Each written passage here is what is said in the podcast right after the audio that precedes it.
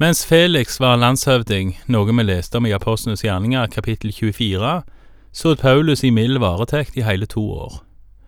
Nå har Festus overtatt, og da blir det igjen mer fart i romernes rettsprosess mot Paulus. En rettsprosess som vi vel kan si at den romerske overmakten ble pådytta av jødene. Vi leser fra Apostlenes gjerninger kapittel 25 vers 1. Tre dager etter at Festus hadde tiltrådt sitt embete, dro han fra Cesarea og opp til Jerusalem. Overprestene og jødenes ledere kom da til ham med sin anklage mot Paulus, og de ba ham gjøre dem den tjenesten å sende Paulus til Jerusalem. De ville nemlig legge seg i bakhold og drepe ham underveis. Men Festus svarte at Paulus skulle holdes i varetekt i Cesarea, og at han selv snart skulle tilbake dit. Lederne deres kan følge med ned og legge fram anklagen, sa han, om det da er noe galt ved mannen. Jødene ville ha Paulus tilbake igjen til Jerusalem, eller rettere sagt, de ville ha Paulus på vei mot Jerusalem, og så drepe han i et bakhold på veien. Festus nekta å føre Paulus tilbake igjen til Jerusalem, men han inviterer likevel jødenes ledere tilbake igjen til Cesarea for igjen å legge fram anklagene. Vi leser videre fra vers seks. Han var ikke mer enn åtte–ti dager hos dem før han reiste ned til Cesarea igjen. Neste dag tok han plass på dommersetet og befalte at Paulus skulle føres fram. Da han kom inn, ble han omringet av de jødene som var kommet ned fra Jerusalem, og de fremførte mange alvorlige beskyldninger som de ikke kunne bevise. Paulus blei igjen ført fram foran landshøvdingen, denne gangen Festus og ikke Felix. Igjen blir han beskyldt for ting han mener han ikke har gjort, og som jødene ikke kan bevise. Vi leser videre fra vers åtte. Men Paulus forsvarte seg og sa, Jeg har ikke forbrutt meg, verken mot jødenes lov, mot tempelet eller mot keiseren. Festus ville gjerne vinne velvilje hos jødene, og sa til Paulus, er du villig til å reise opp til Jerusalem og få saken avgjort der, med meg som dommer? Her har vi et likhetstrekk mellom Felix og Festus. Begge ville ha velvilje hos jødene. Som nevnt tidligere, så er vi nå kommet til ca. år 60, og det var vel da ca. åtte år før det store opprøret som resulterte i at romerne slo ned hele opprøret og òg da reiv tempelet. Paulus ville ikke tilbake igjen til Jerusalem. Det kan det ha vært flere grunner til, men jeg tror den viktigste var at han ville møte menigheten i Roma, og særlig at han var bedt av den Herre Jesus sjøl og frimodig vitne i nettopp Roma.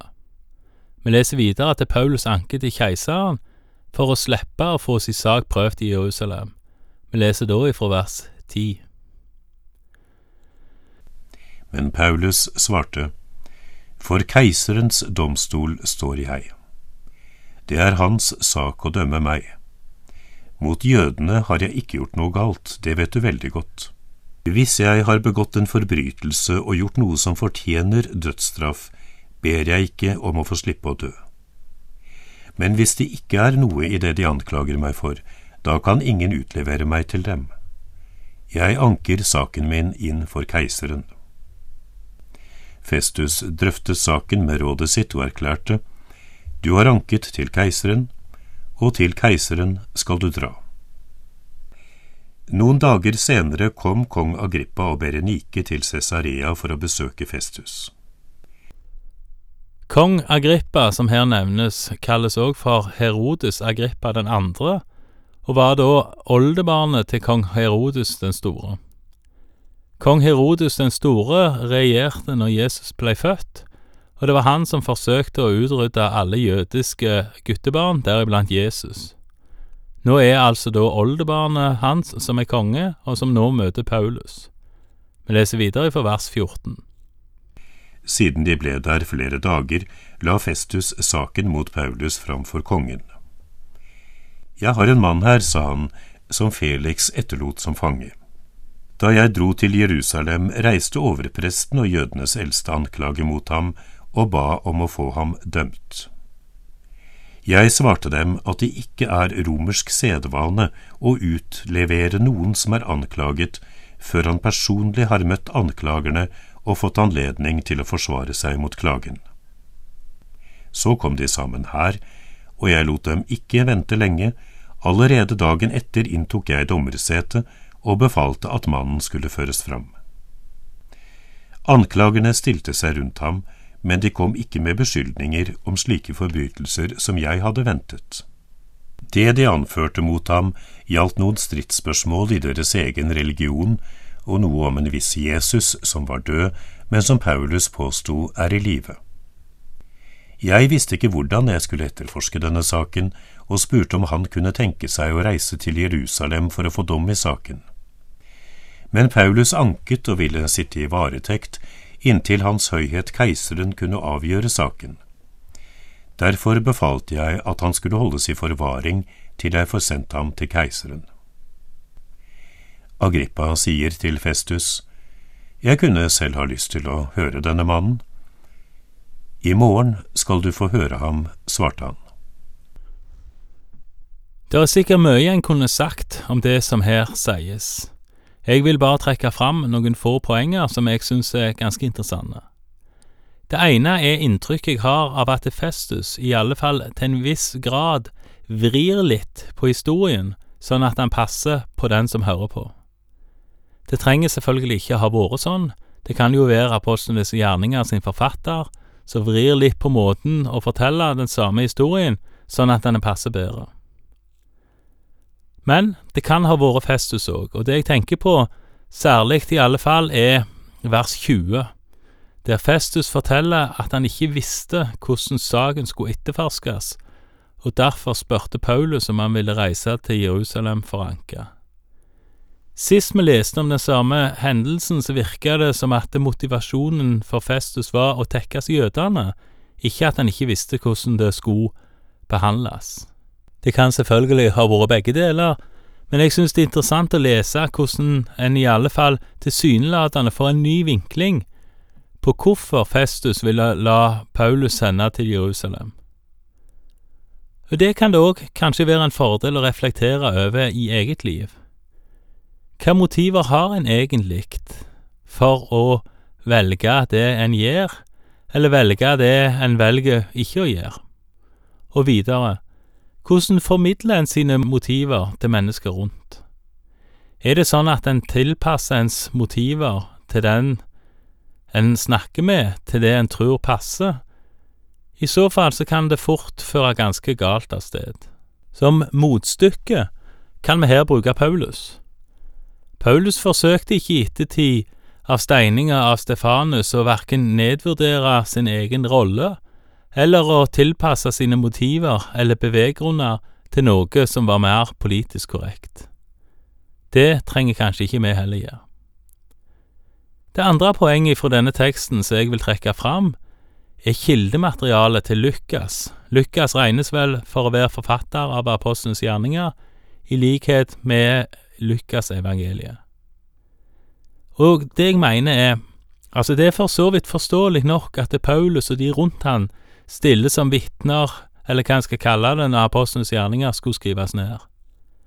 Da er det jo mer imponerende sånn sett at en samtale mellom Festus og kong Agrippa kan gjengis så detaljert som den gjør her. En kan jo selvfølgelig påstå at det er oppspinn eller lyggen, men da ville vel kanskje noen av de samtidige reagere når apostlenes gjerninger begynte å sirkulere i menighetene. Selv om det selvsagt ikke er et bevis for at samtalen forløp sånn som han gjorde, så syns i alle fall jeg det er interessant å lese hvordan den forløp, og da òg hvordan Festus etter min mening tilpasser sine motiver etter situasjonen. Vi leser videre om Agrippa og hans dronning, som med brask og bram inntar audienssalen. Vi leser fra vers 23. Neste dag kom Agrippa og Berenike i full stas og toget inn i audienssalen sammen med de øverste offiserene og de fremste mennene i byen. På ordre fra Festus ble Paulus ført inn. Og Festus sa, Kong Agrippa og alle dere som er sammen med oss, her ser dere den mannen som har fått hele den jødiske befolkning til å venne seg til meg både i Jerusalem og her. De har høylytt forlangt at han ikke måtte få leve lenger. Jeg ble klar over at han ikke hadde gjort noe som fortjener dødsstraff. Men han har selv anket til Hans Høyhet, keiseren, og jeg har besluttet å sende ham dit. Imidlertid har jeg ikke sikre opplysninger for å skrive til vår hersker. Derfor fører jeg ham framfor dere, i første rekke for deg, kong Agrippa, så jeg etter forhøret kan vite hva jeg skal skrive. For jeg synes det er meningsløst å oversende en fange uten å gjøre rede for anklagen mot ham. Festus fører Paulus framfor kong Agrippa, og skal en tru det vi nettopp leste, så ville faktisk Festus få hjelp av dette forhøret til å finne ut hva han skulle skrive til keiseren. For Festus sjøl mener at han ikke fortjener dødsstraff, og da virker det kanskje noe absurd å sende han til keiseren. Men Paulus, han har anka, og da har han rett som romersk borger til å få sin sak prøvd hos keiseren. Og igjen så får vi høre at den jødiske befolkning er de som vil ha Paulus drept. Her står det faktisk at hele den jødiske befolkning vil ha han drept, noe som klart må kalles en overdrivelse. Ikke bare var mange av de som var blitt kristne, omvendte jøder, men videre så har vi jo òg allerede vært inne på at det òg innad i Det høye råd var uenighet om hva en skulle mene om det Paulus forkynte, da særlig knytta til de dødes oppstandelse. Så nå er det altså kong Agrippa og hans kone som skal få høre Paulus forsvarer seg. Paulus sin forsvarstale står i kapittel 26, så det kommer vi tilbake igjen til neste gang. Takk for i dag, og Herren være med deg.